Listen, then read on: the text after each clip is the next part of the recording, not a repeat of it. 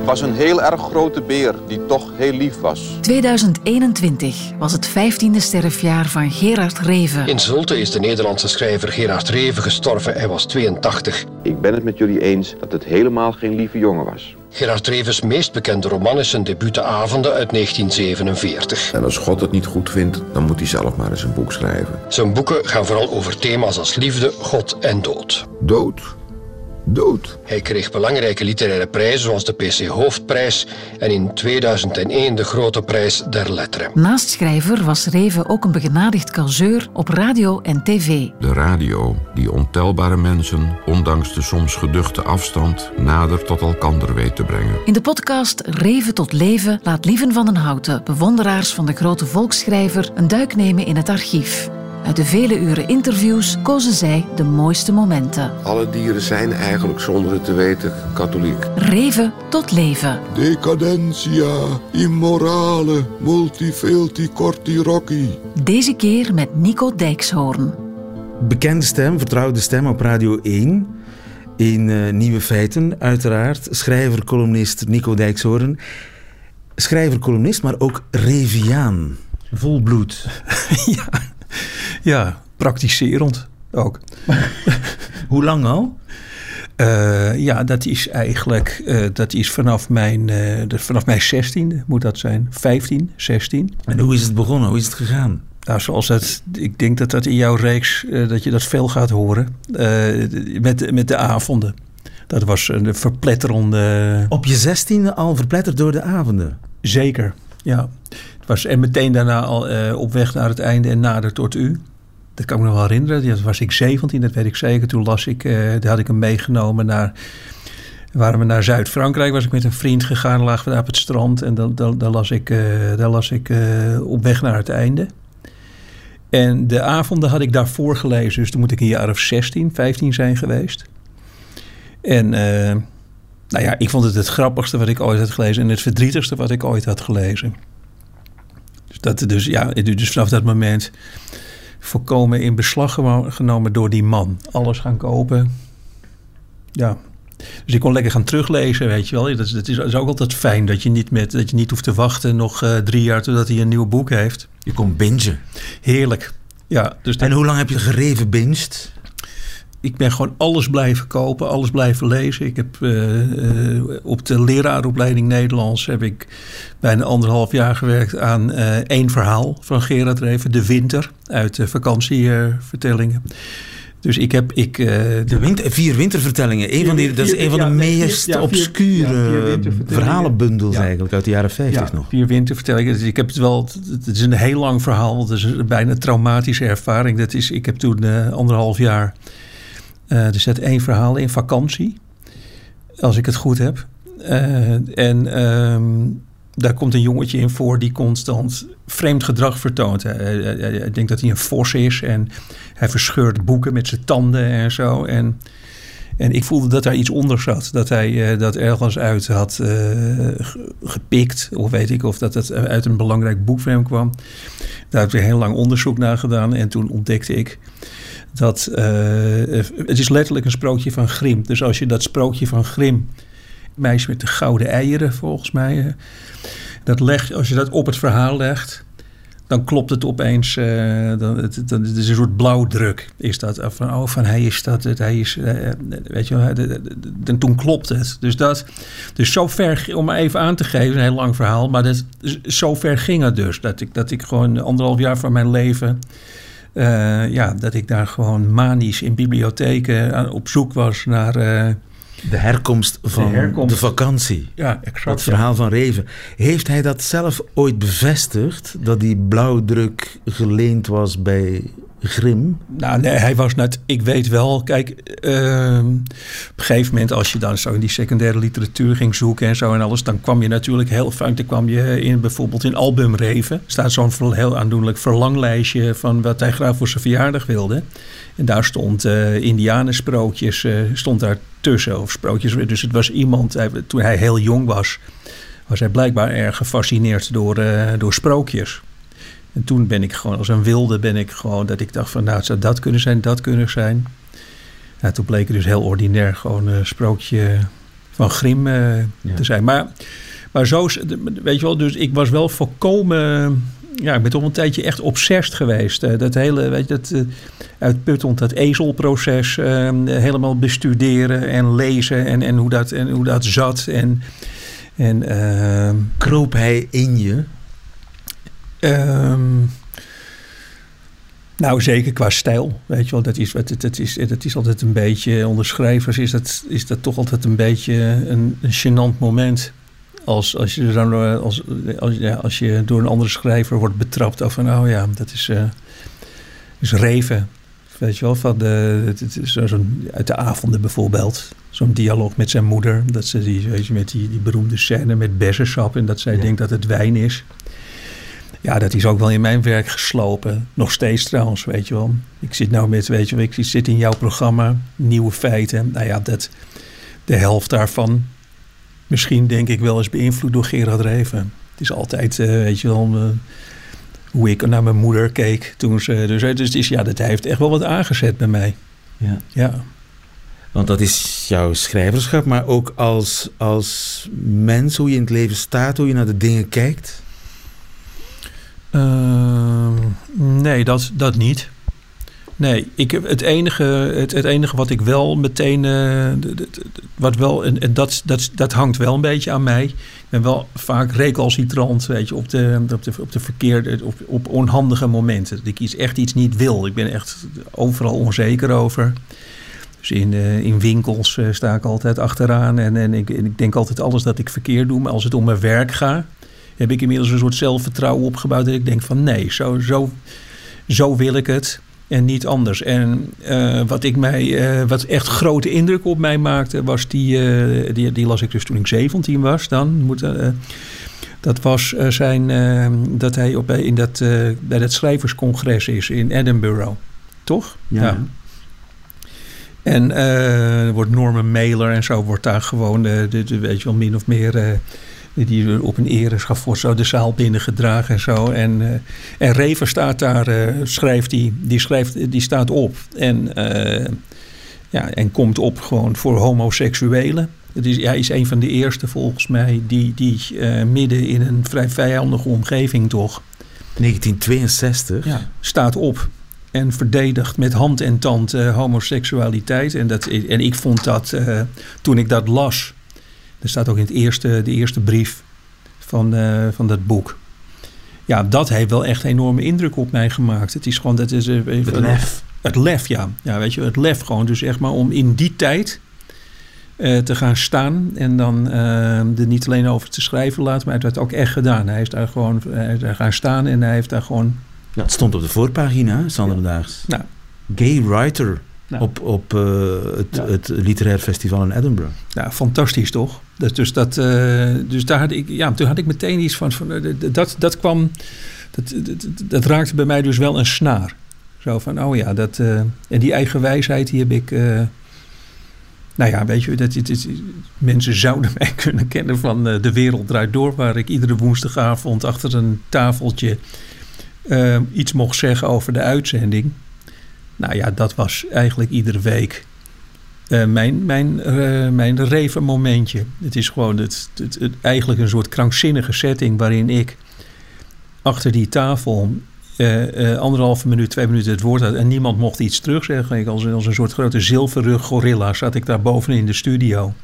Mensen moesten ook omkijken. Zo om te zien van, om, om naar mij te kijken en zo. De, de hele setting was van Nico gaat even vertellen hoe het zit.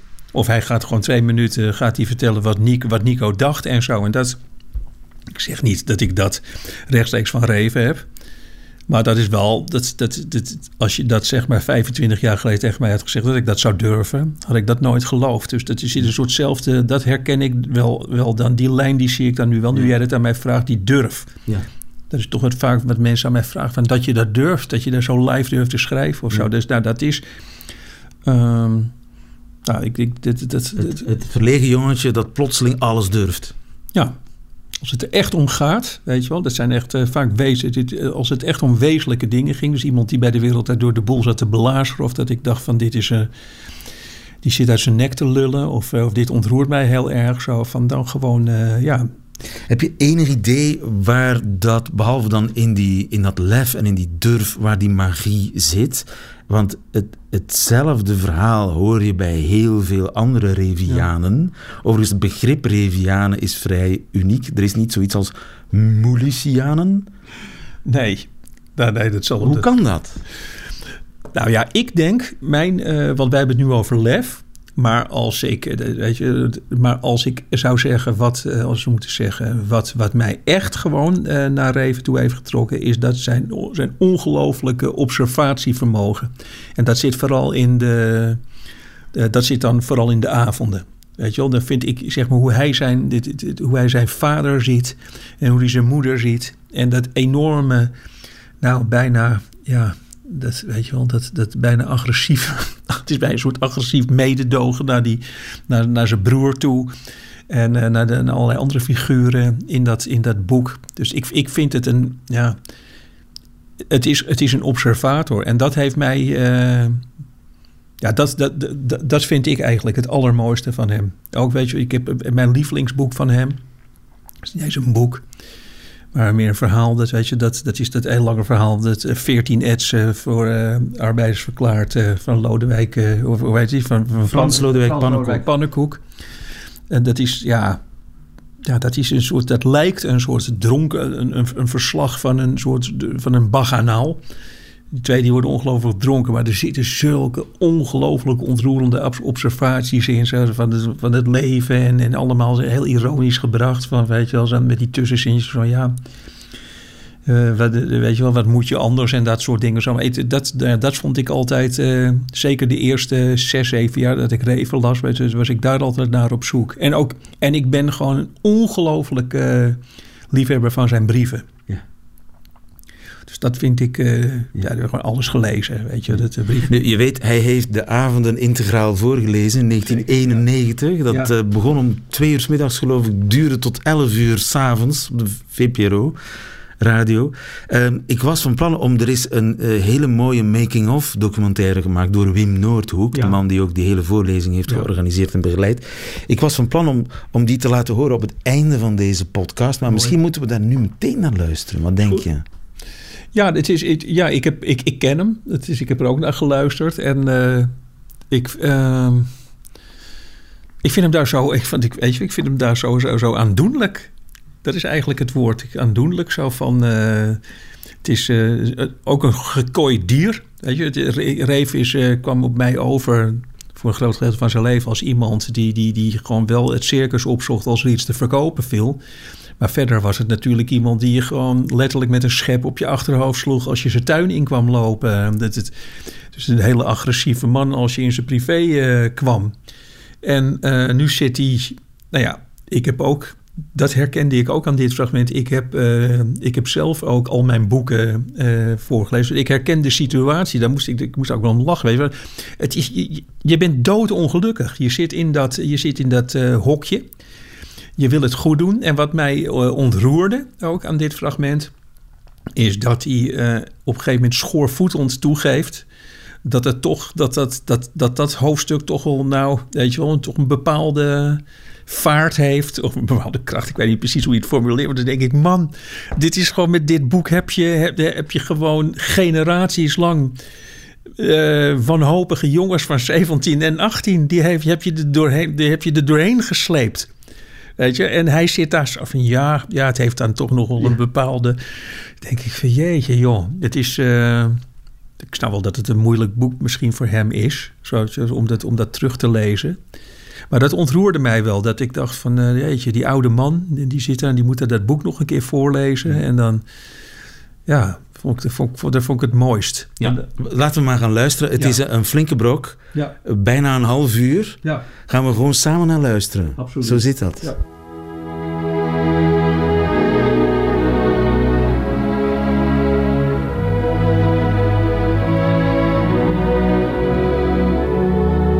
Nu, na al het gezwoeg, moet ik zeggen dat het boek absoluut een fascinatie heeft.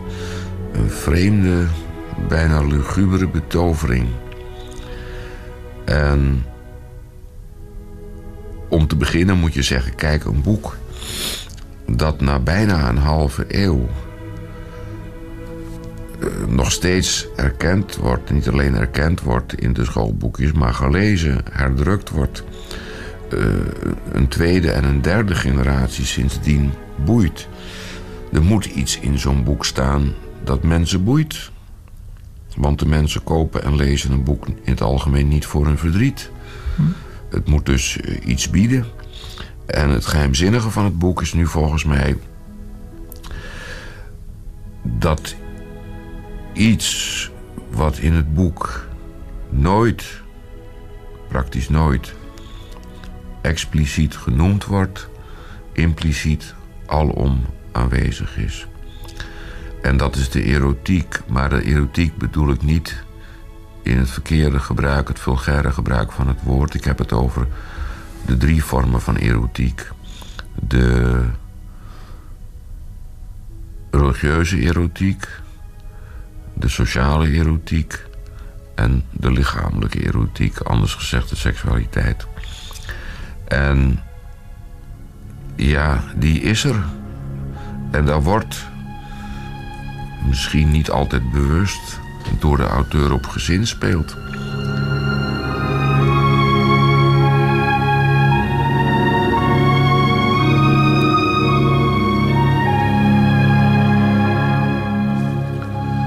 Toen hij de gang weer binnentrad, zong er water in de keuken. In de huiskamer vond hij zijn moeder bezig met het gereedmaken van de ontbijttafel. Je bent waarachtig niet laat, zei hij. Vader heeft een bevlieging, antwoordde ze. Hij wou vroeg opstaan en vandaag hard werken. Frits keek haar scherp aan. Haar gezicht stond effen. Zijn vader kwam uit de keuken binnen in borstrok en met zijn bovenbroek reeds aan. De bretels hingen tot op de grond. Zijn gezicht was nog vochtig. Even wachten. Kan nog een tijd duren voor het hele boek voorgelezen is. God bewaren, God nog aan toe. Dood. Dood. Dit gaat heel goed zo. Oh. Ja. Nou, dan, ik wil je toch nog even vragen naar de, de jongen, die, die Frits van Echters. hij is 23 jaar en uh, hij bekijkt uh, op een tamelijk onbarmhartige manier uh, wat er om hem heen is. ouders, vrienden. En dan denk je van, die jongen die laat zoveel tot zich toe van, van, van die vreselijke werkelijkheid hij zou wel gek kunnen worden. Hè? een mogelijke afloop van het boek zou ook kunnen zijn... die jongen zich ophangt of zo. Dat, Ja, dat zat er ook wel in. Ik geloof dat ik maar één keer zelfmoord heb gepleegd. Ik ken wel collega's die zes keer zelfmoord hebben gepleegd. dus dat valt allemaal wel mee. Maar het was een benauwde wereld met die... die uh, dat hele krankzinnige en volstrekt uh, deficiënte wereldbeeld. Hè? Ja van de, het proletariaat, het moet de macht krijgen. Ja, dus uh, arme mensen die, die ongeletterd zijn, die geen opleiding hebben gehad... Uh, die moeten de wereld gaan regeren. God zal je bewaren.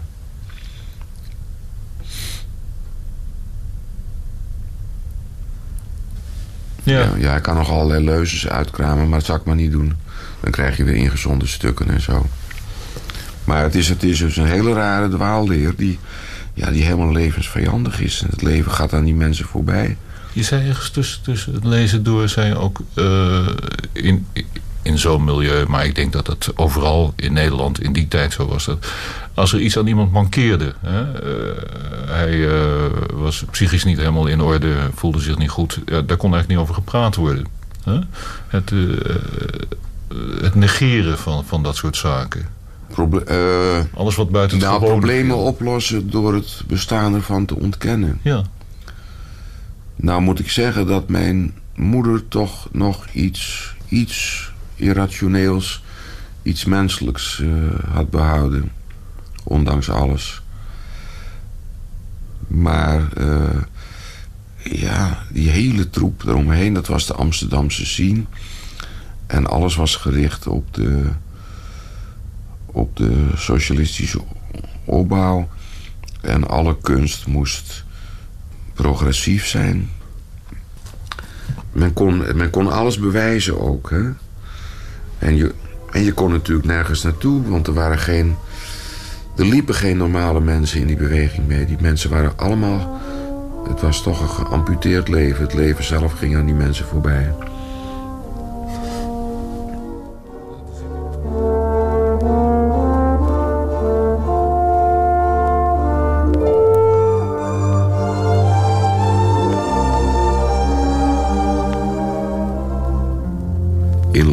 Mompelde Frits in zichzelf. In draf. Eruit. Eruit. Hij trok zijn jas aan, zonder de mouweinden van zijn colbertjasje vast te houden... zodat ze tot de ellebogen opgeschoven kwamen te zitten. Dat komt wel in orde, zei hij zacht. Eerst buiten heen. Dag ouders, riep hij om de deur van de huiskamer. Een genoeglijke avond. Mochten er bezoekers voor me komen, zeg dan maar... dat meneer Van Echters heel laat thuis komt... Zeg maar dat wachten erg lang kan duren. Hij sloot zacht de deur en sprong, op de leuningen steunend, bij drie treden tegelijk de trap af. Eventjes, eventjes, eventjes. Heel mooi, Gerard. Heel mooi. Zou het komen van die vreugdepil? Verdomd. Ik denk dat het zo is. Ja, als je er te veel van inneemt, dan vlieg je het raam uit, hè? Ja, en jezelf voorbij.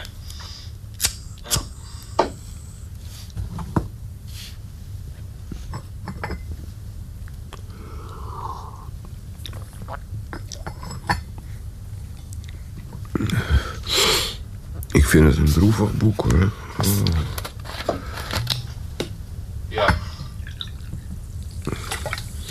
Wat ik nou zo gek vind, Gerard, dat niemand schrijft dit ooit op. En toch gebeurt het elke dag.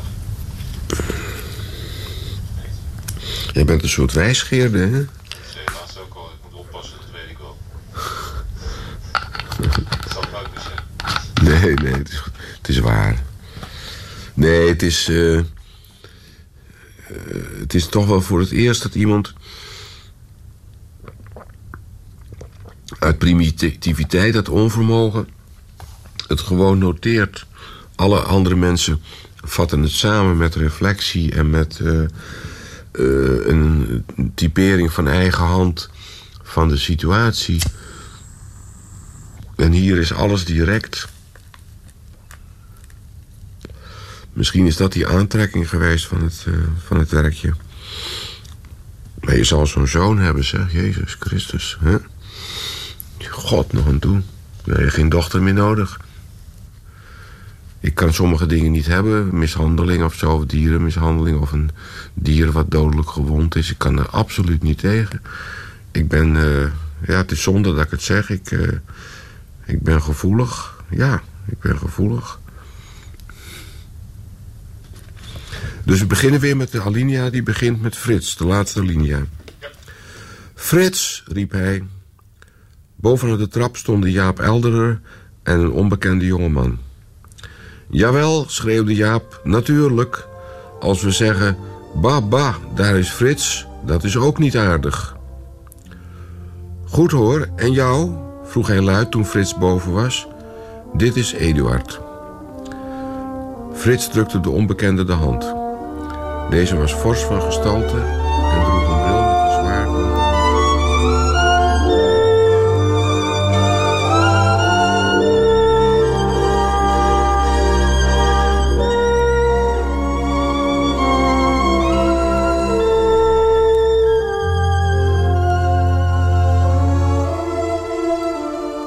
Frits die, eh, heeft die leeftijd 23 jaar. Hij eh, kijkt om zich heen eh, en neemt alles zeer ernstig en, en nauwkeurig in zich op. Ik kan best mijn bril afzetten, heb ik helemaal niet nodig. Hè? Nee, eigenlijk, ja. Hij is dan mislukt en hij zit in een omgeving van me- mensen die dan wel gaan studeren. Zelf zit hij op kantoor. En ja, hij kijkt om zich heen en hij kijkt nog eens in de spiegel en hij denkt: hoe moet dit verder? Dit wordt niks. Eh, dat is een vrij wanhopige positie.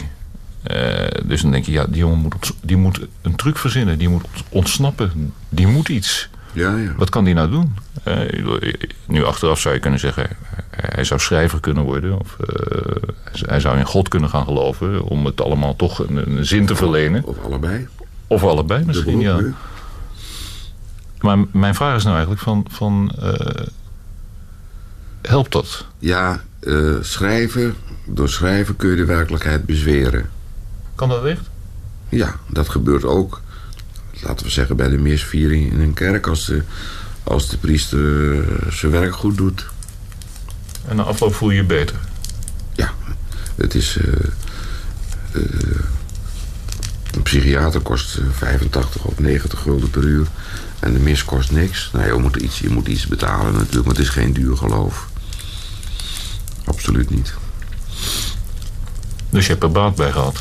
Zowel bij het schrijven als bij eh, de kerk.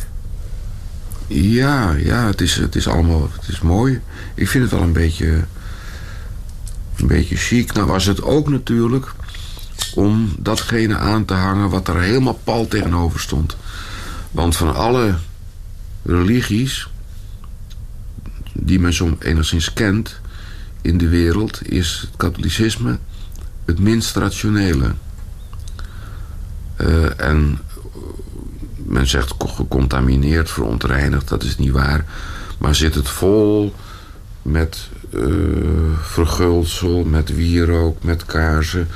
met formules die niemand haast nog kent... met heiligen, heel bekende die erg in de mode zijn... en andere heiligen, dat je dan moet opzoeken wie het is... En eh, gebedjes gebruiken, wijwater, eh, een heleboel dingen die de tegenstander met verachting bijgeloof noemt. Maar een echte religie zonder bijgeloof, eh, zonder praktijken op allerlei niveau, dus, dus bidden, voorspraak afsmeken en ja, mij ligt het niet. Ik kan me niet voorstellen dat je iets in een gebed vraagt. Maar mensen hebben daar het recht toe. Ja.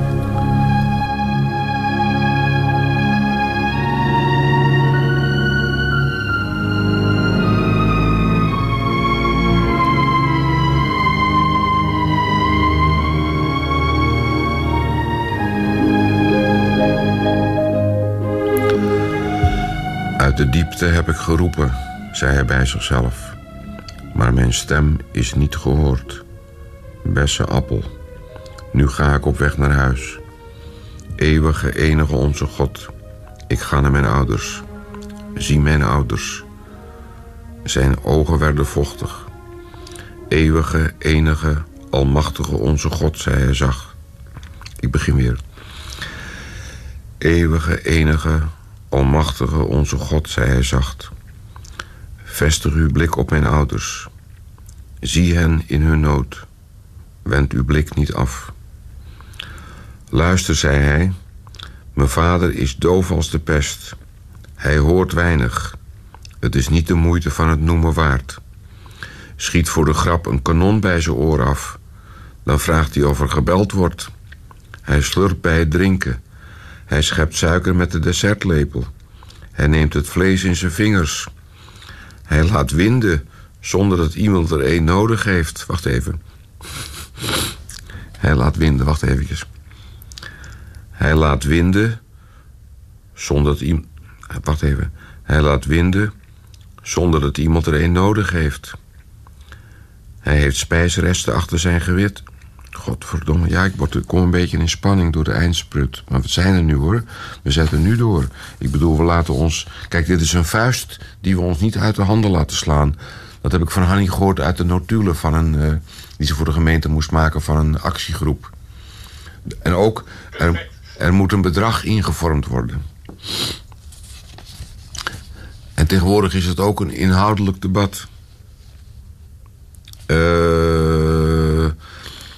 Eh, precies op het midden, onder het midden, precies het midden van de pagina, hij heeft spijsresten. Even, even, mijn neus snuiten, eventjes. Oh, oh. Als ik dit doorstaan heb, dan word ik heel erg oud. Mm.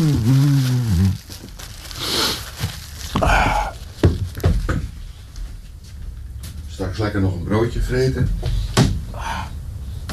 Die zijn betaald, die broodjes. Daar gaat het om. Begrijp je? Oh, kijk, hier lag nog gewoon die zakdoeken. Oh, hupsa. Hey, hey, poepelepee. Met me, ja, ja. Ik Eh, Zou je willen beginnen bij hij laat winden? Oh ja. Dat is makkelijker. Hij laat winden zonder dat iemand er een nodig heeft. Hij heeft spijsresten achter zijn gewit. Hij weet niet waar de gulden in moet. Als hij zijn ei pelt, weet hij niet waar de schaal heen moet. Hij vraagt in het Engels of er nog nieuws is. Hij mengt het eten op zijn bord door elkaar. Eeuwige God, ik weet dat het niet ongezien is gebleven. Er passeerde hem een groep van zes meisjes naast elkaar gearmd.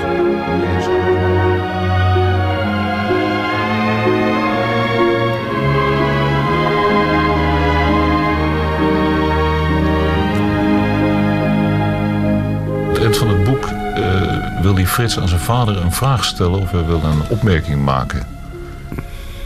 En dat is kennelijk een moeilijk onderwerp waar hij over wil beginnen, maar eh, hij doet het niet. Hij zegt heel iets anders opeens.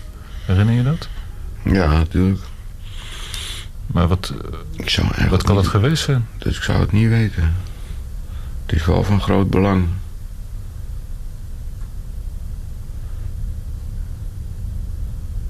Ja, eh, de filmmaker die suggereert. Suggereert, hij zegt het niet, maar ik denk dat het suggereert dat het dus eh, met de seksuele geaardheid van zo'n lief te maken heeft. En als iemand dat zegt, dan is dat. eh, is niet aan te tonen dat het niet zo is. Maar ook niet dat het wel zo is, want eh, in het boek speelt het verder geen rol. De seksuele geaardheid van Frits, eh, daar wordt niets van gezegd eigenlijk.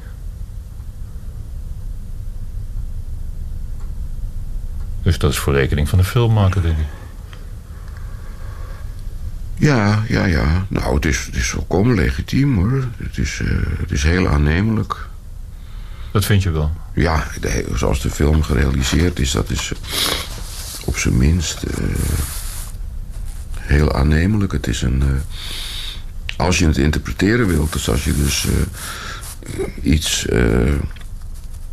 wat aan het boek aanwezig is, wilt concretiseren, dan heeft die filmmaker het wel heel goed gedaan. En ik wil je nog iets vragen eigenlijk over, over de, de radio. Want eh, het komt tenslotte allemaal op de radio. En eh, de, die radio staat in het gezin, ja, net als tegenwoordig de televisie, staat er voortdurend een radio. En er komt allemaal eh, taal uit en muziek.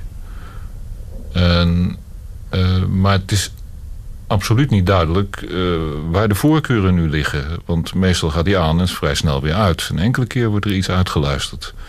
Maar eh, was dat de manier? Eigenlijk, het lijkt op tegenwoordig wat ze, wat ze met die afstandsbediening doen. Hè? Dat zappen, eh, deed het me aan denken. Dan weer daar, dan weer daar. altijd flarden. Nou, de, de radio in de avonden is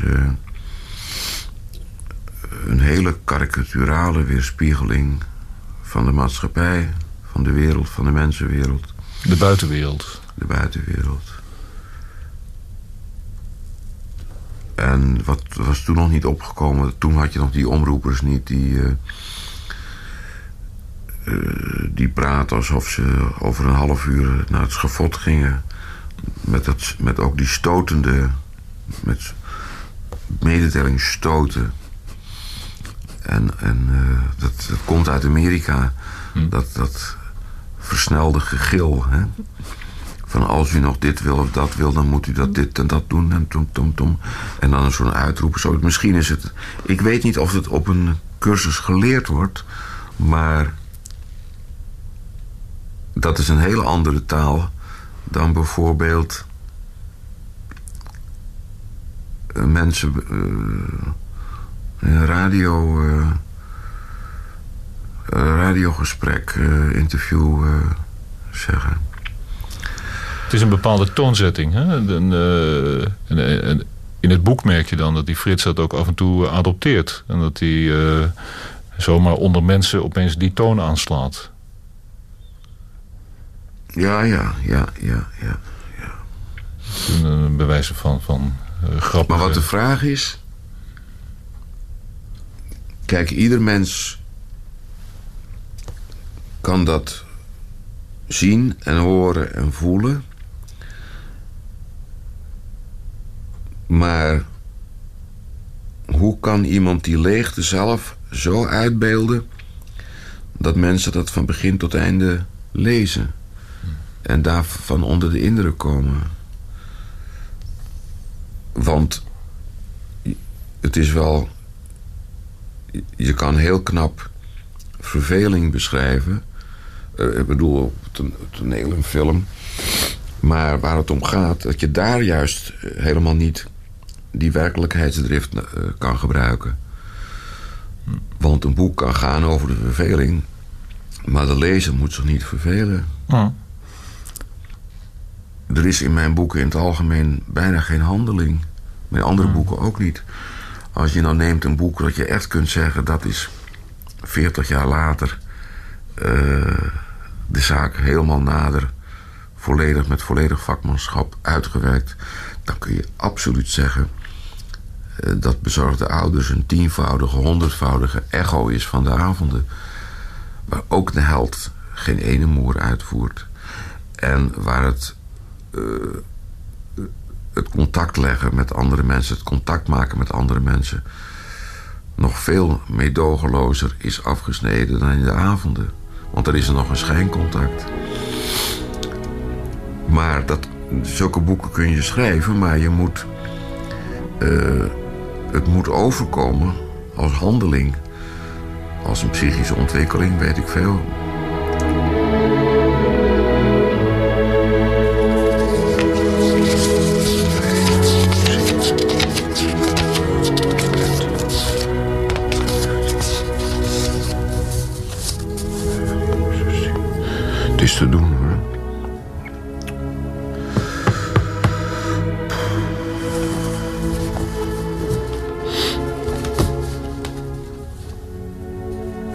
Ik moet je zeggen dat ik het wel eens een sterk hoofdstuk vind hoor, vergeleken bij de voorafgaande.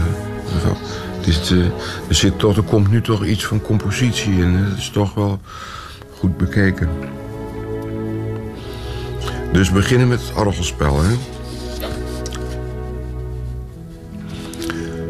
Het orgelspel hield op. Met enkele variaties van Frank besloot Piet Karwiel dit orgelconcert, zei de omroeper. U hoort nu tot negen uur een non-stop programma van Hawaiian-melodieën. Is dat goed eigenlijk? Nou, dat geeft niet, hè. Hawaiian is ook goed. Hawaiian? Ja, het is goed hoor. Dood, dood. Eventjes, eventjes. Mooie dingen had je vroeger, hè? De, hoe heet ze nou ook weer? De Everly Brothers? Nee, dit is eerder. Dit Hawaiians. Ja, ja, maar... Blue Diamonds. De Blue Diamonds, die waren goed, hè? Blue Diamonds waren goed, hè?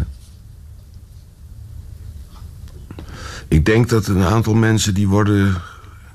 Die worden door dit, dit boek, voor het voorlezen, die worden die komen in een soort uh, verdoving, een soort iets heel vreemds.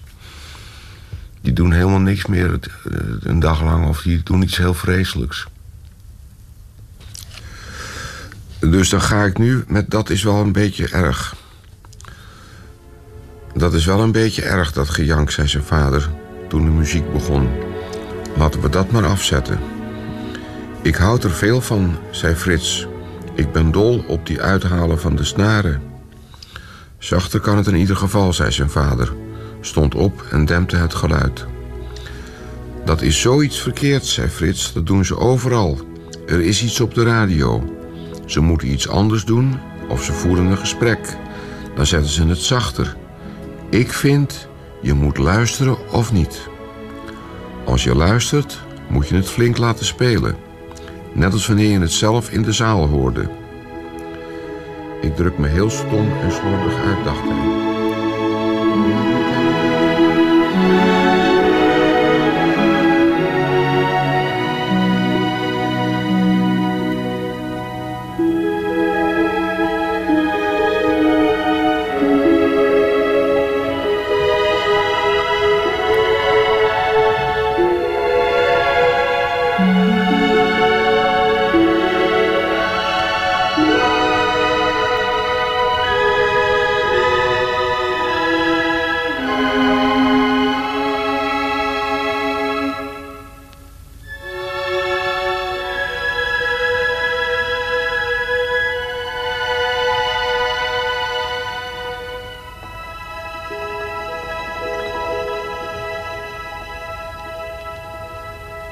Prachtig, hè? Met de muziek ook helemaal uit de tijd, uit de jaren 40, 50.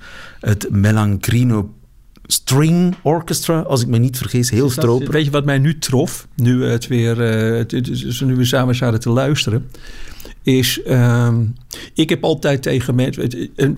Wat mensen vaak zeggen als je aan ze vraagt van waarom, vind je de, waarom is de avonden jouw lievelingsboek? Wat je dan uh, nou, heel vaak hoort is van ja, ik herken, uh, ik herken het om als lezend, als iemand die graag leest of als een soort semi-intellectueel opgesloten te zitten in een arbeidersgezin.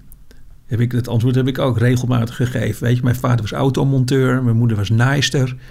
Er werd niet gelezen bij ons thuis. En, uh, ja, en ik ontdekte Reven. En het was alsof. En ik heb altijd gezegd. Van nou, dus weet je wel, dat, er zat een soort herkenning in. En toen op een gegeven moment begon ik mij af te vragen: is dat nou is dat wel, is dat, zit, zit ik niet gewoon uh, de boel te belazeren? Heb ik dat nou wel, klopt, klopt dat wel? En bij Gerard Reven, dat maakt het ook nog zo grappig, bij Gerard Reven klopte het niet. niet. Het klopt helemaal niet, want zijn vader was gewoon een gerespecteerd schrijver. En uh, die is toch zo'n verhaal, zo van dat ze, dat, dat, uh, er staat in een van die boekjes van de, is er dan de, de, een feestje na de presentatie van, uh, van de avonden. Dan zijn ze bij hem thuis en dan roept een vriend, die roept keihard van... nu ik je moeder ken, vind ik het een rotboek. Ja. Dat is Geert Lubberhuizen, de, de oh, uitgever van de Bezige Bij. Die dat... Prachtig, hè? Gewoon, dus, dus, dus, gewoon nu, dus volkomen, ja, dus niet bij elkaar verzonnen. Maar de kern die snap ik wel. Hij zat gewoon. In de kern klopt het wel. Want het was wel, wel degelijk, zeg maar, gewoon een, een soort fnuikend uh, milieu. Ja, dat hij. Uh, op een gegeven moment laat hij het in het midden. Hè, Wim Noordhoek, die dringt nogal aan. Ja, wat, wat. Want op het einde van het, van het boek van de avond wil hij iets aan zijn vader zeggen. Ja. En het komt er niet uit. Nee. En Wim Noordhoek zegt: Ja, het is nogal duidelijk, dat was je homoseksualiteit. En Reven wil dat eigenlijk niet bevestigen. Hij ontkent het. Dat was de interpretatie van de filmmaker, want in de film zit dat er heel duidelijk in. Uh, en dat is een, zeer valabele interpretatie. Meer... Ja, ja nee, het is heel ongemakkelijk daar even, zo tijdens dat gesprek. En dat vind ik ook wel weer, weet, dat is, nou ja, dat weet, je, dat weet je ook. Dat is altijd gewoon als je schrijvers gaat vragen van, zit, zit dat en dat erin? Dat is zo, ja, dat... Uh, dat is, altijd, dat is altijd vervelend. Dat je moet gaan bevestigen van. Uh, dit, kijk, lezers die, die, die leggen vaak iets in je verhaal of in je boek. wat je er zelf. wat er wel degelijk in zit. maar wat er gewoon op intuïtie. op intuïtie is ingekomen. Dus dat, is, dat kan best confronterend zijn. Ik heb dat een tijdje terug ook gehad. Weet je wel, dat ik heb een boek geschreven over. Uh, de, waar ik, uh, over, over mijn vader. En dan nou, daar heb ik toch heel vaak bij lezingen. Dan zeggen mensen, maar ja, jeetje, zo, zo en zo en zo zit het. Het is voor mij, denk ik, jeetje, ja, van, van inderdaad, ja, dit heb ik helemaal niet gezien. Ik heb het wel opgeschreven, maar ik heb helemaal niet begrepen wat ik opschreef. Ja. Maar dat is precies de sterkte natuurlijk hè, van de avond, dat het er niet staat. Ja, nee, precies, dat is het. Maar, en, maar dan, maar steeds weet je wel, als, wij, als jij dat nu ook weer tegen mij zegt, dat, dat verwacht je dan zeg maar van iemand van een gelouterde schrijver van 46, die dan schrijversjaren heeft gemaakt. Maar hij was zo jong toen hij de avonden schreef en, dan ook, eh, en dan ook, als ik het goed heb begrepen, eh, geschreven als een soort thera op aanraden van zijn van Schuur, uh, toch Scheurmans. ja, ja, die dromen, waardoor die dromen er ook in zijn gekomen. Dat is iemand die, die, die, dromen duidde.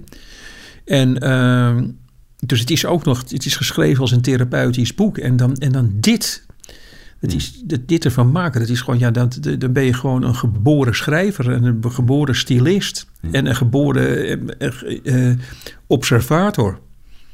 Nu, aan die communistische jeugd die hij beschrijft, zonder het te noemen in de avonden, heeft hij wel een levenslange bijna fobie overgehouden voor alles wat links was en wat naar socialisme rook.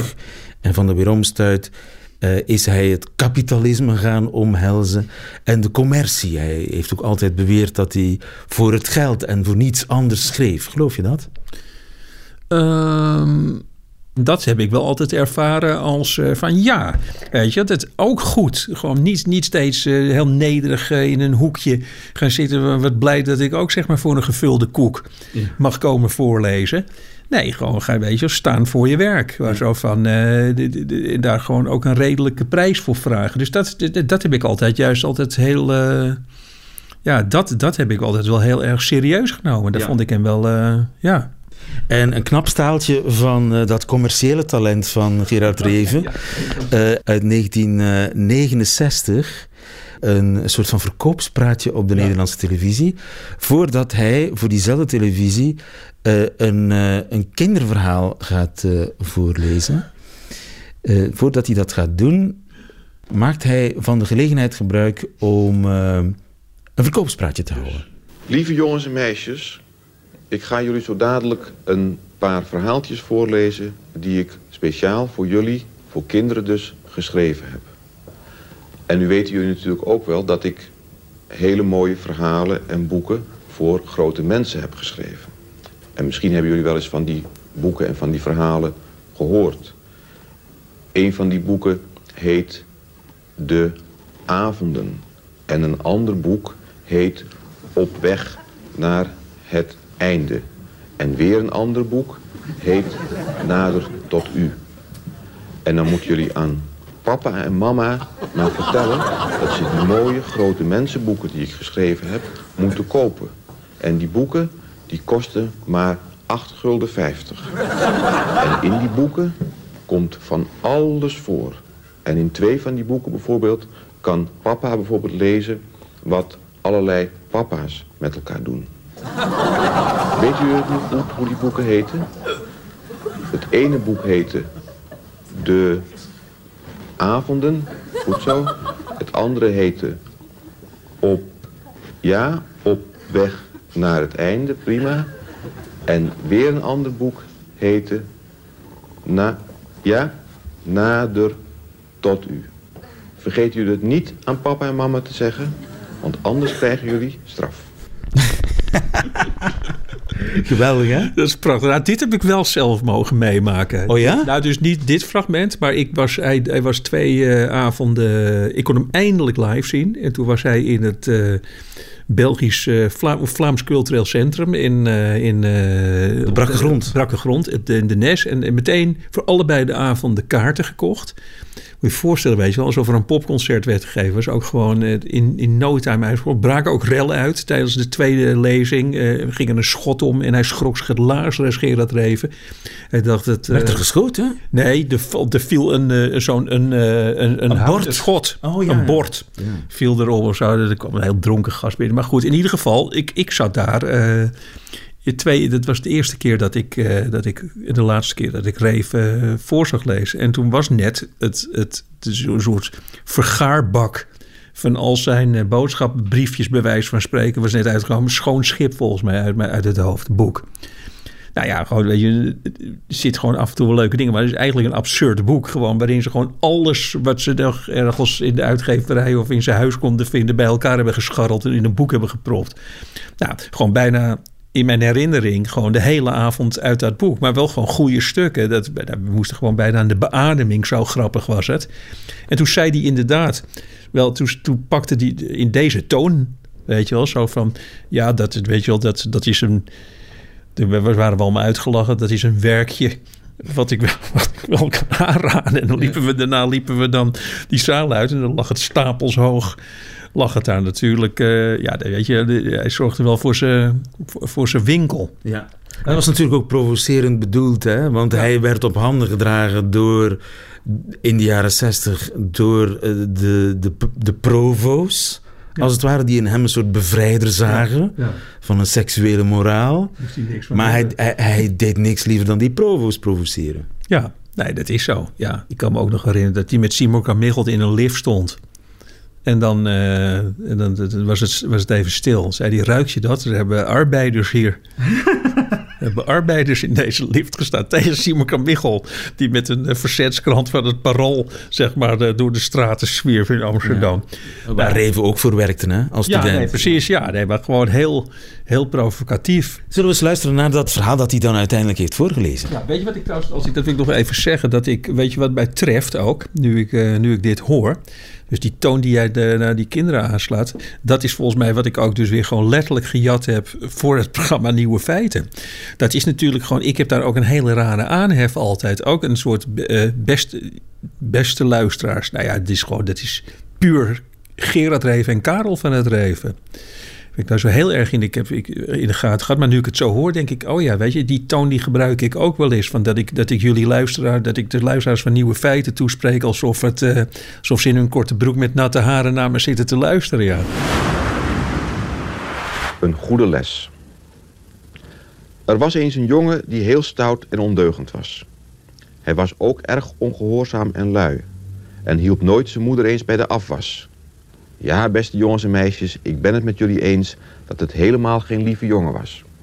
Maar hij was wel erg mooi en hij had een heel mooi, fijn, lief, stout jongenskontje. Daarom was Sint-Nicolaas, die zoals jullie weten een echte kindervriend is, helemaal gek op hem. Jullie willen allemaal graag wat van Sint-Nicolaas. Maar nu wilde Sint-Nicolaas iets van die jongen. Maar die jongen die moest niets van Sint-Nicolaas hebben. Omdat Sint-Nicolaas zo oud en zo dik en helemaal kaal op zijn hoofd was. Met allemaal kleine schilfertjes. En die jongen zei dus tegen Sint-Nicolaas... Ga weg, ouwe viezerd, je bestaat niet eens echt. Jullie begrijpt wel hoe dat die goede, lieve kindervriend Sint-Nicolaas ten zeerste verdroot. Hij zon alsmaar op iets waardoor hij die ongehoorzame, luie, mooie jongen eens een lesje kon leren. Nu had die jongen wel gezegd dat Sint-Nicolaas niet echt bestond... maar hij zette even goed op Sint-Nicolaasavond wel zijn schoen onder de schoorsteen. Sint-Nicolaas, die wist dat en kwam met zijn paard over het dak. Jullie weten allemaal dat Sint-Nicolaas alleen maar een jurk over zijn blote kont draagt. Net als de paus en kardinaal Alfrink. Dat kwam nu goed van pas. Want Sint-Nicolaas kwam dus van zijn paard af, spreidde zijn jurk over de schoorsteen heen en ging zelf met zijn blote reet op de schoorsteenpot zitten. Want ik was nog vergeten jullie te vertellen dat die ondeugende jongen ook nog tegen Sint-Nicolaas gezegd had... van mij kan je de pot op. Toen kakte Sint-Nicolaas dus uit zijn reet een grote, dikke drol... en die drol viel met duizelingwekkende vaart recht door de schoorsteen naar beneden... precies, ja, jullie raden het al, jongens en meisjes... precies in de schoen, precies in de jongensmolière... van die stoute, ondeugende deugniet van een jongen. Nu, Jullie hebben allemaal vast wel eens een kikker of een beestje van chocolade gehad... met groen of rood zilverpapier eromheen. En met van binnen van die lekkere roze of gele zachte zoete snot erin. Maar dit was nog eens een hele andere koek. Wat jullie? Ik denk dat jullie net zo graag als ik... de volgende ochtend wel eens het gezicht van die stoute jongen hadden willen zien. Zo komen de snoepers te pas. Wie de schoen past, trekken hem aan. Zo komen de snoepers te pas. Ja, ja, dat is toch geniaal. Het is, toch, het is een singeltje geweest, toch? Het is het, het, ja, met eentje kwak kookt zijn eigen potje, herinner ik me ook. Over een eend die in een, uh, die in een pannetje kakt. En dan loopt het hele dorp onder en zo. Maar het is, ja, dit, is, dit, is, ja, dit is een klassieker. En dat allemaal in uh, de late jaren zestig. Een uh, periode waarin Harry Mulisch bijvoorbeeld een uh, opera schreef ter ere van Che Guevara. Dat was helemaal niet aan hem besteed, hè? dat geëngageerde. Dat, is de, de, de legendarische uh, anekdote. Harry Mulisch, die stond toen inderdaad bekend als iemand, weet je, met Cuba en zo, dat speelde allemaal. Er was een enorme demonstratie op de Dam uh, in Amsterdam. En daar was Harry Mulisch, die was toen in een auto met chauffeur was uh, naast uh, de demonstratie eventjes gestopt. Had de mensen toegezwaaid, zo weet je, zoiets was het. En die is daarna weer doorgereden. En toen had Gerard Reven, of het is zo goed verzonnen. Die noemde hem daarna de gemotoriseerde relletjesvoyeur. Ja. Over Harry Mulisch ging het ook in de talkshow bij Mies Bouwman. Uh, Mise en scène, zo heet die talkshow. We uh, luisteren naar een stukje uit 1969. Over geëngageerde literatuur. Harry Mulisch heeft eens gezegd... romans schrijven heeft geen zin meer. Het is oorlog. Hij uh, bedoelt daar, neem ik aan mee, dat de tijd van, van zomaar voorbij is. Er is een soort revolutie aan de gang en we moeten geëngageerd zijn. Ik Mag ik daarop iets, uw reactie hebben? Iets heel hard zeggen. Ik geloof dat het niet zo is als hij zegt. Ik geloof dat de mensen die zeggen dat het geen tijd is om romans te schrijven... of de mensen die zeggen dat de figuratieve kunst dood is... of de mensen die zeggen dat God dood is...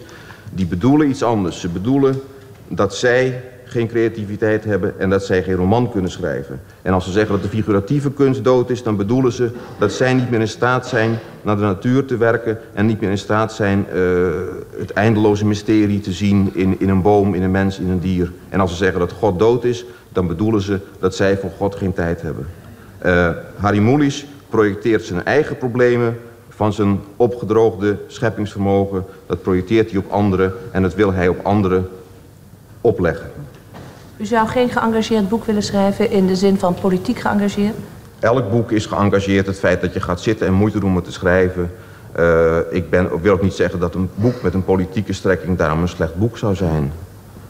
Maar als het zijn kwaliteit moet ontlenen aan een politieke strekking... dan is het met het werk wel heel droevig gesteld.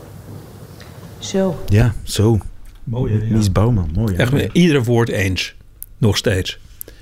Ook een ongelofelijke rothekel aan... Uh uh, nou, aan, boeken, weet je wel, die heel erg gaan over, uh, inderdaad, over, over politieke de, de beelden of zo. Ik ben het helemaal met hem eens. Gewoon, kijk, Reven, dat is ook wel. Kijk, bij Reven, wat er wel fout is gegaan, is bij Reven, vind ik, als je naar zijn, al zijn werk kijkt, dat in dat kader is dat onderzoek voor mij toen nog wel aardig geweest. Zijn werk is natuurlijk gewoon uiteindelijk zo kaal geworden dat het. Een van zijn laatste boeken was een sprookje. Weet je, dat was, dat, dus, dus Reef is juist volgens mij steeds meer weggegaan bij de dagelijkse realiteit. En die is gewoon, die, die, die, die, is, ja, die is langzaam verdwenen in een soort raar soort sprookjeswereld waarin alles klopt en waarin hij, weet je wel, waarin dus dat... De, fantasie als de redding, hè? Ja, precies. Maar dat, kijk, eh, op een gegeven moment liepen daar nog eens wat gewoon normale mensen doorheen of zo. Of, of, of, of dat je denkt van, hé, hey, er kwam er een slager in voor. Maar ja, weet je wel, op een gegeven moment was, waren het alleen nog maar... Ja, werd het, werd het gewoon echt puur uh, sprookjes. Toch, hoe heet ik ben de titel van het boek kwijt. Maar dat was, Wolf. Ja, dat is een... Ja, dat is gewoon, dat, dat, dat, dat, is, een, dat is een modern sprookje.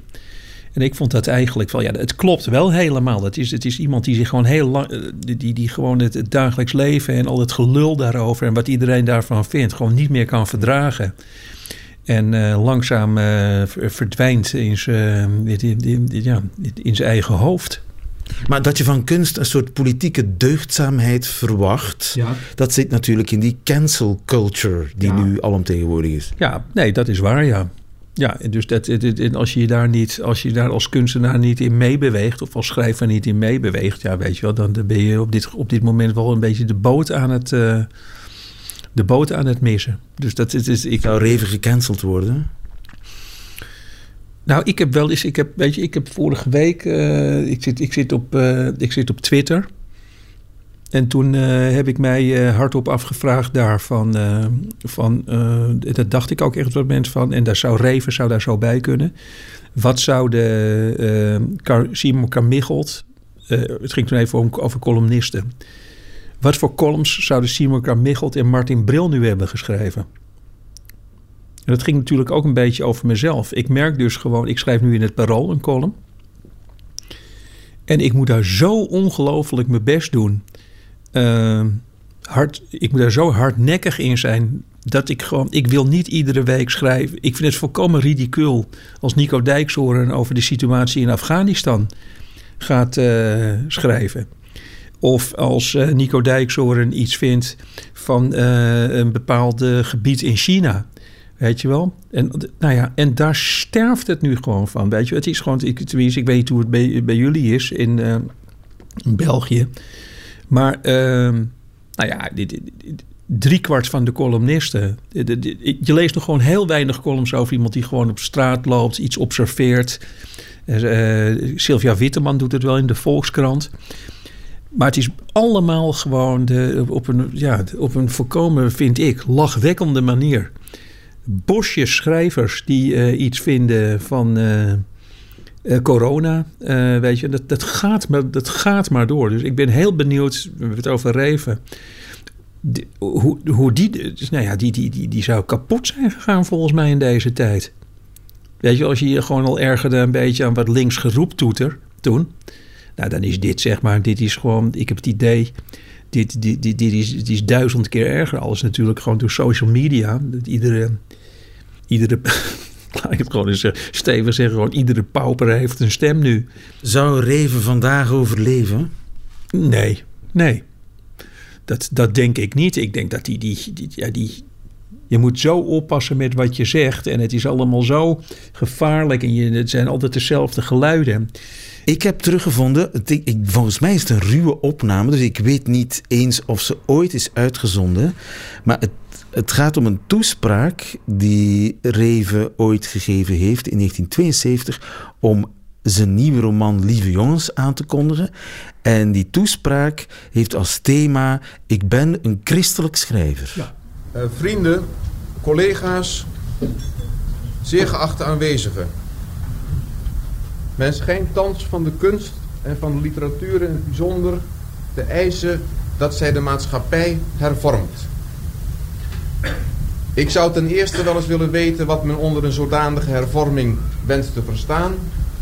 En ten tweede hoe de literatuur die zou kunnen bewerkstelligen. Ik vrees dat als men met deze krankzinnigheid ernst zou pogen te maken, er van dat reeds grotendeels uit onmacht en geknoei bestaande geneuzel dat men de Nederlandse literatuur noemt, in het geheel niets meer zou overblijven. Alles wat talent, ontwikkeling en intelligentie bezit, wijst alle maatschappelijke dienstbaarheid van de kunst af als een in oorsprong Calvinistische, dat wil zeggen theocratische en totalitaire eis. Kunst heeft in haar diepste wezen niets met de maatschappij te maken. Daar waar men anders decreteert, komt aan alle scheppende kunst een eind. Zoals in het Duitsland van Hitler, het Rusland van Stalin en Brezhnev, het Cuba van de behalve schrijvers voor het gemak meteen ook maar de homoseksuele vervolgende Fidel Castro, of Zoals in het China van de grote leider Mao, verzinner van de enormste banaliteiten die ooit uit enig brein de drukpers hebben gehaald. Of zoals in het land van die Gérant, van de georganiseerde armoede en het maatschappelijk failliet.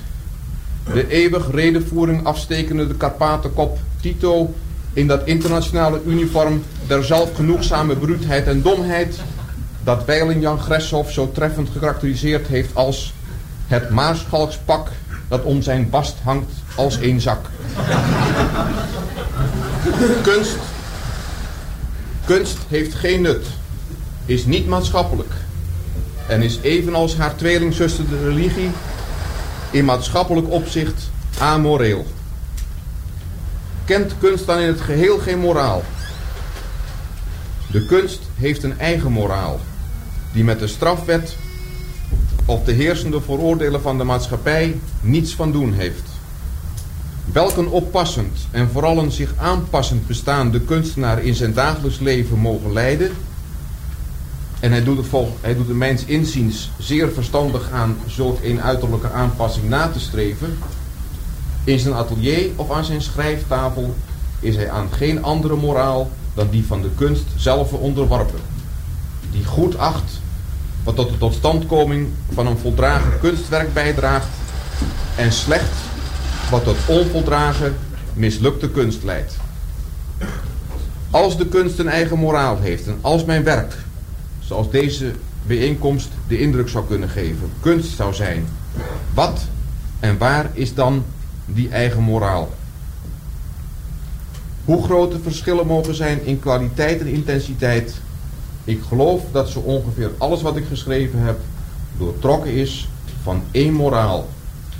Die zich niet bekommert om bijvoorbeeld de verdeling van het nationale inkomen. En die zich al even min kopzorg maakt over de plaats van de kunstenaar in het productieproces. Bij alle overigens weinig uiteenlopende motieven die mijn werk bevat, behelst het eigenlijk maar één enkel thema, één idee, één moraal. Verlossing.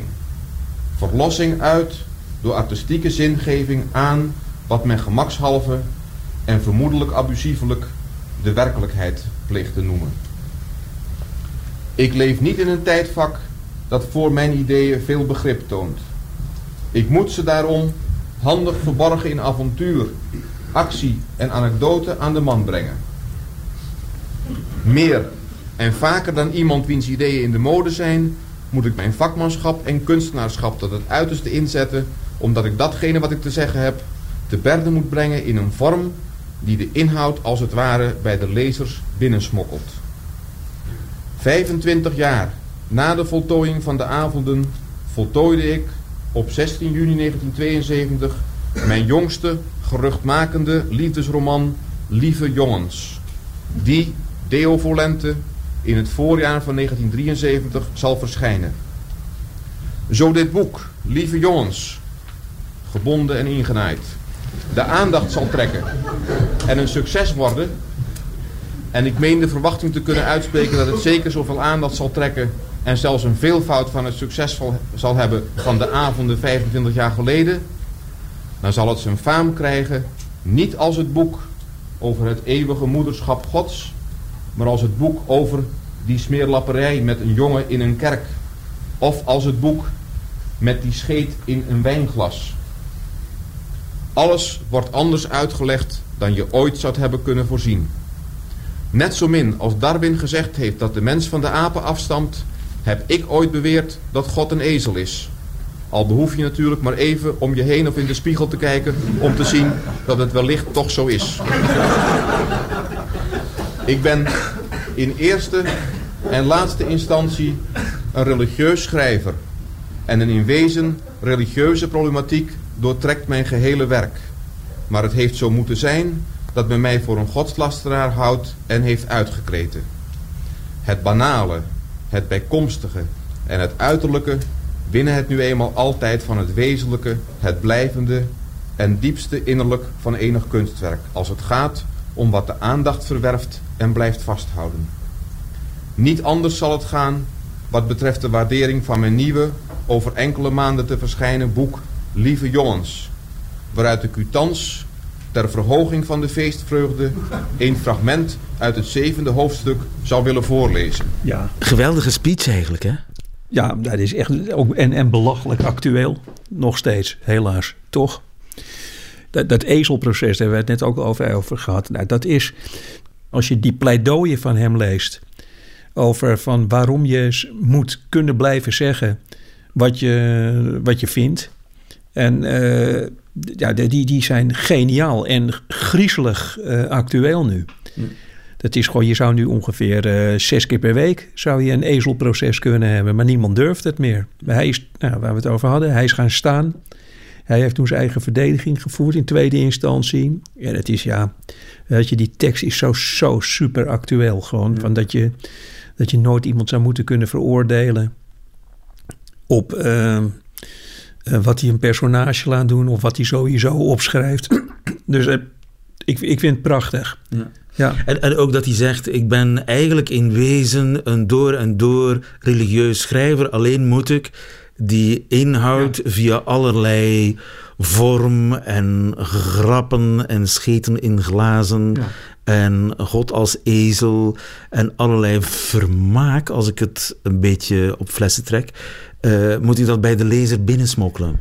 Ik denk wel. Ik, ik had wel toen ik hem dat hoorde net zeggen van als hij dat niet zou doen zou het onleesbare troep zijn. Tuurlijk. Ja, dat, dus, dat, dat weet hij ook wel, denk dat ik. Dat weet hij ook wel. Dus ik ben dolblij dat hij, dat hij daartoe gedwongen is. Anders hadden we niet die prachtige omtrekkende beweging gehad.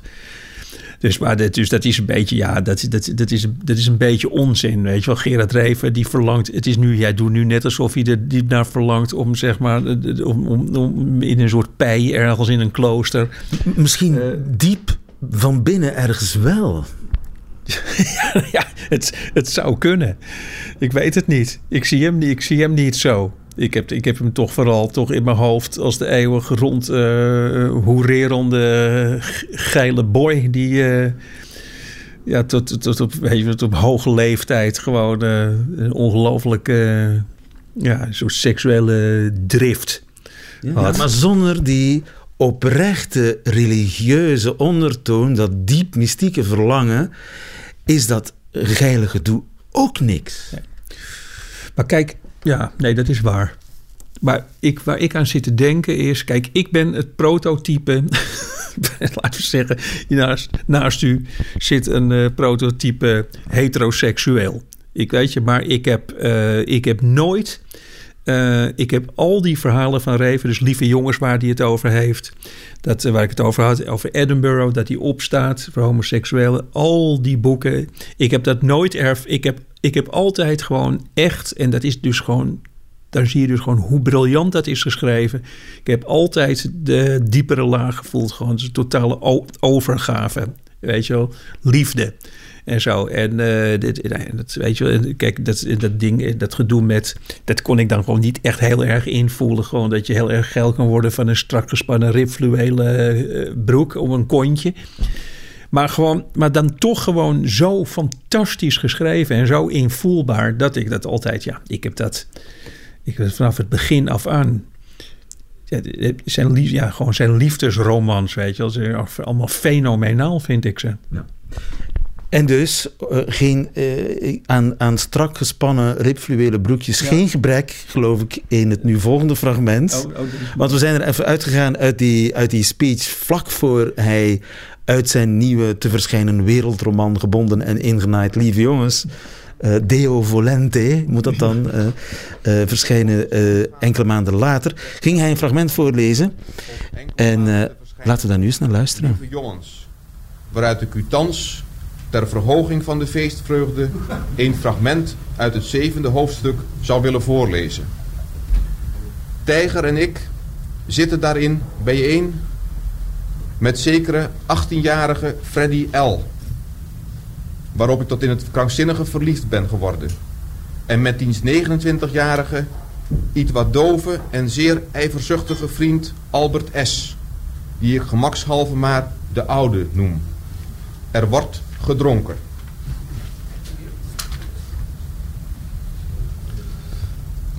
Door mijn bronstigheid, die alsmaar stijgende maar nergens heen kon, werd ik steeds opgeblazener en voller en maakte zich in mij van lieverlede, mede door de wijn, een ongehoorde gassigheid des ingewands bemerkbaar. Ik blies die nu hier, dan wederom daarheen, zonder mij er erg veel om te bekommeren waar ik mij bevond. Al hield ik mij aan tafel, of wanneer wij bij een of ander gesprek bijeen zaten, nog zoveel mogelijk koest. Het liefste had ik de oude uit mijn achterste eens pardoes in het gelaat willen hoesten. Maar je moest daartoe op een of andere verhoging gaan staan. En hij, de oude dus, moest zich dan precies onder schot bevinden. Of, als ik mij niet op een verhoging bevond... zou hij bijvoorbeeld bewogen moeten worden... om een vermeende winkelhaak in het zitvlak van mijn broek te inspecteren. Maar hij zou vermoedelijk wel te wantrouwig zijn... dan dat hij zich tot die oude truc leende. Trouwens, als het niet moest, ja, dan gelukte het... En als het moest, dan kwam er op het beslissende ogenblik in het geheel niets... of alleen maar een bijna onhoorbare, verkouden flodderzucht. Het leven was niet wat het beloofde. En je begon van alles dat bleef steken en nergens op uitliep. Zo was het toch? Daarbij begon ik de duistere verdenking te koesteren... dat Freddy L. het precies, maar er ook precies zo wenste als het nu ook inderdaad ging. En dat hij er telkens nagesloft worden en het binnenschuivelen van de oude in het geheel niet lastig, maar juist opwindend vond. Ze moesten allebei maar wederom spoedig weggaan en vertrekken, overwoog ik reeds. Terwijl ik wederom gedachteloos met hen beiden en Tijger na de avondboterham in de grote salon aan de rode wijn begonnen was. Waar moesten we in godsnaam nog over praten? Ik praatte bij het drinken gewoonlijk eindeloos over wat goed en wat slecht was om te drinken. En hoe vaak en hoeveel.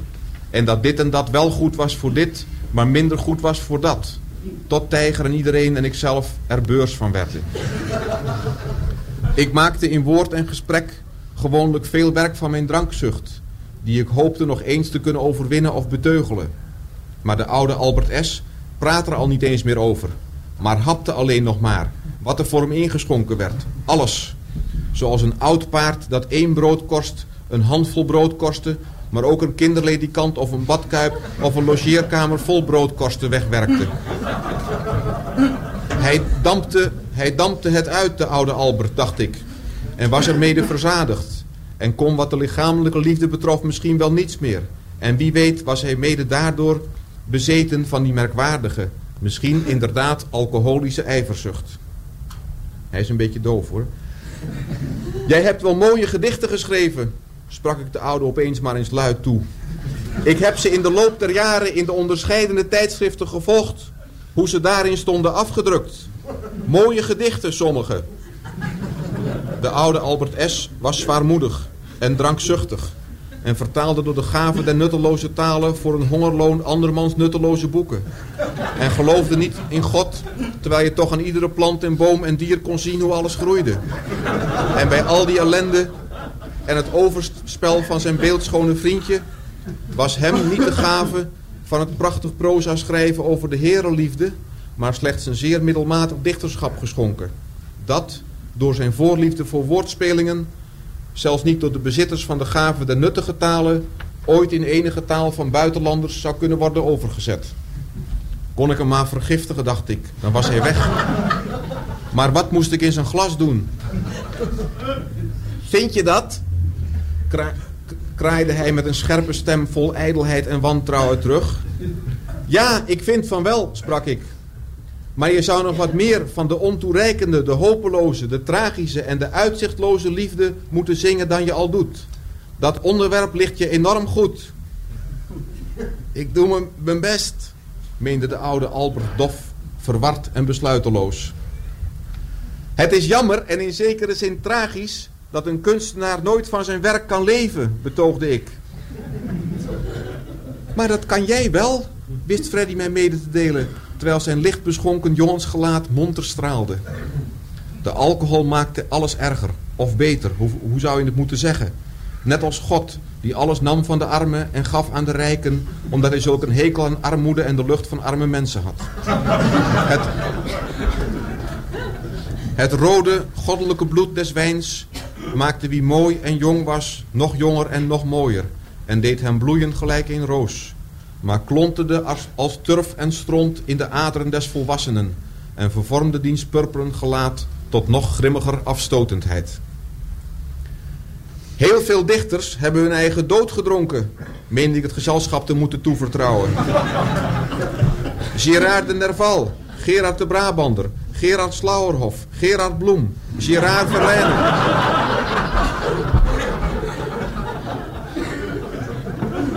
Gerard, Gerard Verlijnen, ga maar door. Ver, Verlijnen, Gerard. Dat was, dat was zijn tweede voornaam. Zo noemde Rimbaud, Rimbaud hem altijd. Maar... Maar het kwam... Maar het kwam door de absint. De mensen denken vaak dat het allemaal hetzelfde is. Maar het maakt een boel uit wat of dat je drinkt. Wijn is het beste. Wijn, wijn is het beste. Echo de, de oude enigszins moedeloos. Dat, dat geloof ik ook, nodigde Freddy mij aan, moedigde Freddy mij aan met zijn door de wijn iets wat raspend, afwisselend donker en hees geworden jongensstem.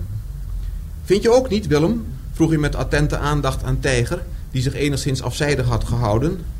Uh, ja, ja, ja, ik ook, zei deze. Het is uh, wel lekker. Elke drank heeft zijn voordelen en zijn nadelen, zette ik mijn betoog voort. De koningin ook. Wat dronk de koningin vroeger? jonge jenever en later sherry. En nu is ze geheel overgegaan op een droge rode wijn. Daarom ziet ze de laatste jaren ook zo goed uit. En heeft ze zulk een soepel, gezond en slank figuur gekregen. De, koning, de koningin, slank, informeerde de oude met een ongelovige, aan majesteitsschennis grenzend stemgeluid. Ja, ja, de koningin is heel slank geworden, viel Freddy mij bij. Terwijl zijn ouder nog met een bijna toornige blik rondkeek. Ja, dat, dat, is, dat is zo, zei Tijger zo plotseling dat ik er bijna van schrok. En hoe komt dat?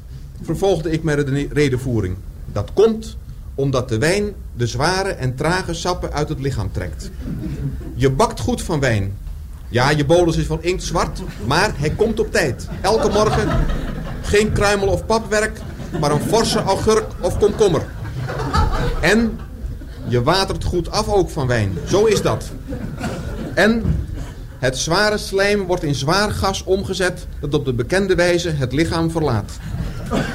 Met mijn lippen in het mondstuk van een denkbeeldige klarinet pruttelend bootste ik zeer schaamteloos het geluid van een wind na. Ze zeggen dat het kan branden, opperde, opperde Freddy, die misschien dacht dat er goochel op het programma stond. Het, het gaat omhoog. Net als een gasstel, voegde hij er onexact aan toe. Je kan het aansteken. Nee, het is zwaarder dan de lucht, hield ik staande. In enig vat, vat zoekt het de bodem op. Het gaat niet omhoog.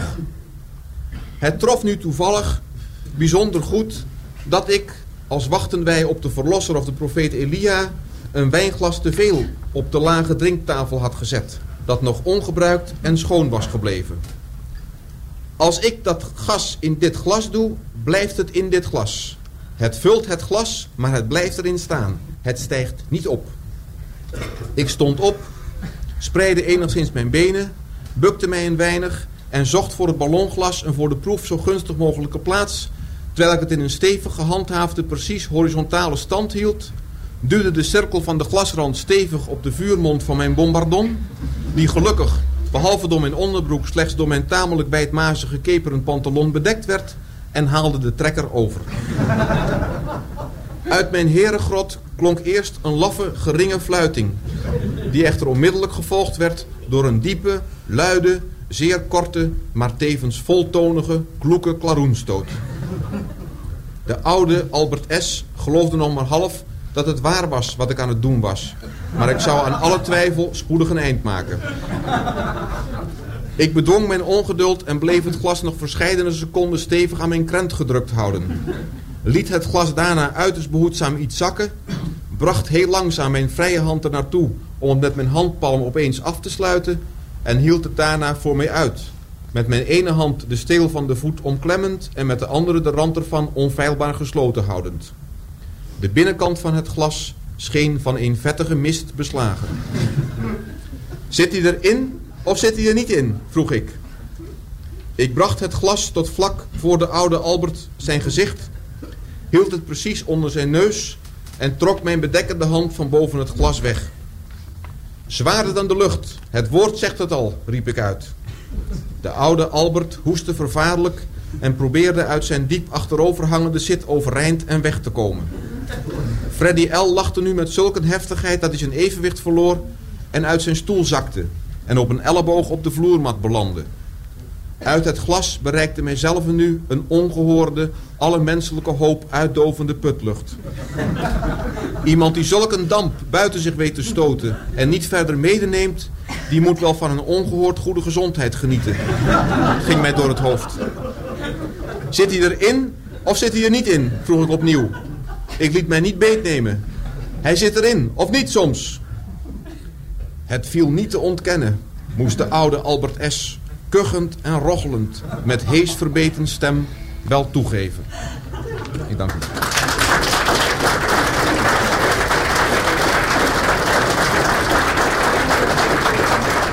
Een fragment, legendarisch fragment uit uh, Lieve Jongens, uh, uh, verschenen in 1973 of 72, ik denk 73, met de scheet in het glas.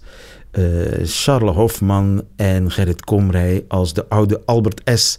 En Freddy, zijn, zijn vriend. Ik geloof dat ze daar zelf niet echt heel erg tevreden mee waren, die jongens, achteraf. Nou ja, ik, ik heb Gerrit Komrij natuurlijk ook nog wel regelmatig voorzien lezen of zo. En het is een volkomen erudiet, uh, figuur vond ik dat hij, ik denk niet dat hij zichzelf heel erg heeft herkend in deze scène. Als een soort, een soort verkopen, een half seniele man. Ja. Die je dan zegt, die gewoon helemaal niet de gaten heeft wat er aan de hand is. En dat je, die je dan een, een glas wijn onder zijn neus met een scheter in on- onder zijn neus kan duwen. Dat, Ja. het- ik- dat is niet de Gerrit Komrij die ik. eh, Ik geloof dat ik Charles ooit heb horen zeggen dat het in werkelijkheid allemaal nog veel erger was. waarschijnlijk weer ook de, de bekende act van gewoon dat hij, dat, hij, ze- dat hij zijn lul op een bord neerlegde en daar dan takjes peterselie en dat soort dingen omheen. eh, Dat soort gein, daar was hij dol op. En dan binnen, ja, daar zitten avonden natuurlijk ook al helemaal vol mee. Het is een pestkop, hè? Ja, het is een perskop. Qua jongen. Ja, Lees je hem nog eens af en toe? zeker. Ja, ja nee, eh, vooral veel brievenboeken. En ik heb weer laatst weer die, eh, die, die, die dronken, die dronken, dronkenmanstoestand met eh, 14 etsen eh, voor eh, arbeiders verklaard. Eh, die, die heb ik weer eens helemaal gelezen. Het is gewoon, maar dan, ver, ja. En ik heb het ook, ja, dat is ook nog wel eigenlijk... Slijt het ooit? Nou, Verveelt het ooit? Nee, en het grappige is, ik ben ook nog wel gewoon echt weer aan het leuren met zijn werk. Eh, mijn zoon, die is nu, mijn zoon, die is 26 nu. En die ben ik een beetje, ik heb daar, eh, ik wilde dan niet, ik wilde een beetje het vervelend dat je mensen gewoon, moet je dit lezen en dat lezen. Maar ik heb hem nu, ik vond het wel, ik was heel benieuwd eh, wat hij van eh, op, weg naar het, op weg naar het einde vond. Omdat het ook zo'n, ik, ik had in mijn hoofd dat het een hele gedateerde vorm is. En het, het, weet je, het gaat over allemaal problemen die helemaal niet meer spelen. En ehm, iemand die rondreist op een scooter langs de Spaanse kust en zo. Dus ik was, ik was ongelooflijk benieuwd. En mijn, zoon zit echt helemaal in het hier en nu. Gewoon, weet je, een voorkomen coole dude. En, ehm, en die, werd, die is toch gewoon ontzettend gepakt door dat boek. En dat deed me heel erg goed. Dus gewoon ook, weet je, stilistisch. Hij, eh, hij Heb begon... je een Reviaan Ik gemaakt? heb een Reviaan gemaakt. En dan vooral, het wat me helemaal deugd deed... maar dat zullen degene wel zijn... we gingen allebei... eh, hebben, we ons, hebben we dezelfde favoriete scène... waarin ik mezelf ook totaal herken. Dus, dus mijn, mijn kern heb ik toen al op 16-jarige leeftijd... eh, in, in een boek van Reven gelezen. Daar ik bijna een fysieke reactie op. Hij, Reven, staat, beschrijft dat hij op een station... ergens, hij moet, hij moet met de trein ergens naartoe stapt uit, staat op het perron en realiseert zich dat zijn koffer nog in de, in de trein staat. En wat er dan volgt, dus een soort, een, een soort innerlijke vervloeking, waarin hij zeg maar zijn hele leven, dus dat is zo geniaal, dat vond ik zo geniaal gedaan. Dat, dat hele idee, dus dat je gewoon zoiets heel ordinairs neemt van je staat, eh, wat iedereen kan gebeuren, je, je hebt je koffertje in de trein laten staan. En dat is volgens mij een van de eerlijkste dingen die hij ooit over zijn, eh, zijn, zijn leven heeft geschreven. Er komt daar gewoon een soort van: het komt allemaal, weet je wel. Ik heb ook nooit naar mensen geluisterd. Het is, het is één grote boetedoening op een station ergens in Engeland eh, of in Schotland. Om, en, en alleen maar gewoon omdat dat koffertje er staat. En hij vindt dat koffertje weer terug, dolgelukkig. En dan gaat alles gewoon weer door. Maar volgens mij, en dat was mijn zoon, was dat ook opgevallen. Maar dat is volgens mij is dat een van de, een van de sleutelmomenten voor mij geweest in, zijn, in, een, in revenboek. Dat ik denk van, oh ja, nou kijk ik hem recht in zijn ziel. Zo van, eh, zogenaamd ironisch. Maar totaal de hulp. eh, Ook, je, je ziet daar voor het eerst gewoon een totaal hulpeloze man. Die ook helemaal maar niet weet hoe het moet. En ik rommel maar wat aan. En, dat, en, en nou word ik gestraft. Al dat gehoereer van me en dat gelul en dat op feest en altijd maar zo gezellig doen en zo grappig en zo. Ja, dat, ik moet wel eerlijk zeggen, daar werd wel even een... ook als ik dat nu nog lees, dan kijk ik wel in een spiegel hoor. Zo van eh, dat ik denk van, oh jongen met het... eh, gebabbel, het gedoe. Je kan godverdomme nog niet eens een gootsteenkastje repareren. Weet je wel, van, eh, dus er moeten er veertien mensen langskomen. Je bakt er helemaal niks van. Het is allemaal maar... nou, dat, dat zit heel erg in dat fragment. Ja. En dat is eeuwig, hè? Dat Ja. gaat door. Dus Ja. de Revianen zullen misschien wel in aantal verminderen, maar ze zullen niet uitsterven. Nee, ze zullen uiteindelijk zegevieren, durf ik, eh, durf, durf ik te zeggen. Laten we afsluiten in schoonheid met een gedicht. Welk gedicht heb je gekozen? Ja, dat is, eh, hoe heet het, over... eh, de, voor, hoe heet het, eh, Roeping. Ja, roeping. Ik ben altijd... ik ben heel slecht, zoals u hoort, met, met titels. Maar dat is... Ik heb het laatst nog, om het te testen... Uh, om, weet je, daar hebben wij nu ook een paar keer over gehad. Van, is dat nog relevant in deze tijd? Wordt dat nog herkend? Sterker dan nog ooit. Sterker dan ooit. Ik heb een uh, podcast uh, daar schrijf ik af en toe, uh, schrijf, spreek ik daar af en toe. Doe, we doen daar inter, ik doe daar interviews, maar af en toe doe ik ook gewoon, weet je, als ik me verveel, spreek ik iets in. Staat. Toen heb ik gewoon eens dat gedicht uh, voorgelezen. Zo van, zo van even uitgelegd, vind ik een mooi gedicht. Zuster Immaculata. Ja, precies, weet je wel. En echt juichreacties, weet je wel. Dat past helemaal in deze tijd. Goed dat dat weer eens wordt gezegd. Weet je wel, we leven in een totaal krankzinnige wereld. Weet je wel, kijk nou eens wat er allemaal gebeurt. Weet je nou, luister nu maar gewoon eventjes in dit gedicht dan. Vooral de prachtige laatste zin. Weet je wel, hoe Gerard Reven dat, uh, hoe Gerard Reven dat even samenvat voor ons. Ja, we laten het laatste woord aan Gerard Reven zelf. Dankjewel, Nico Dijkshoorn.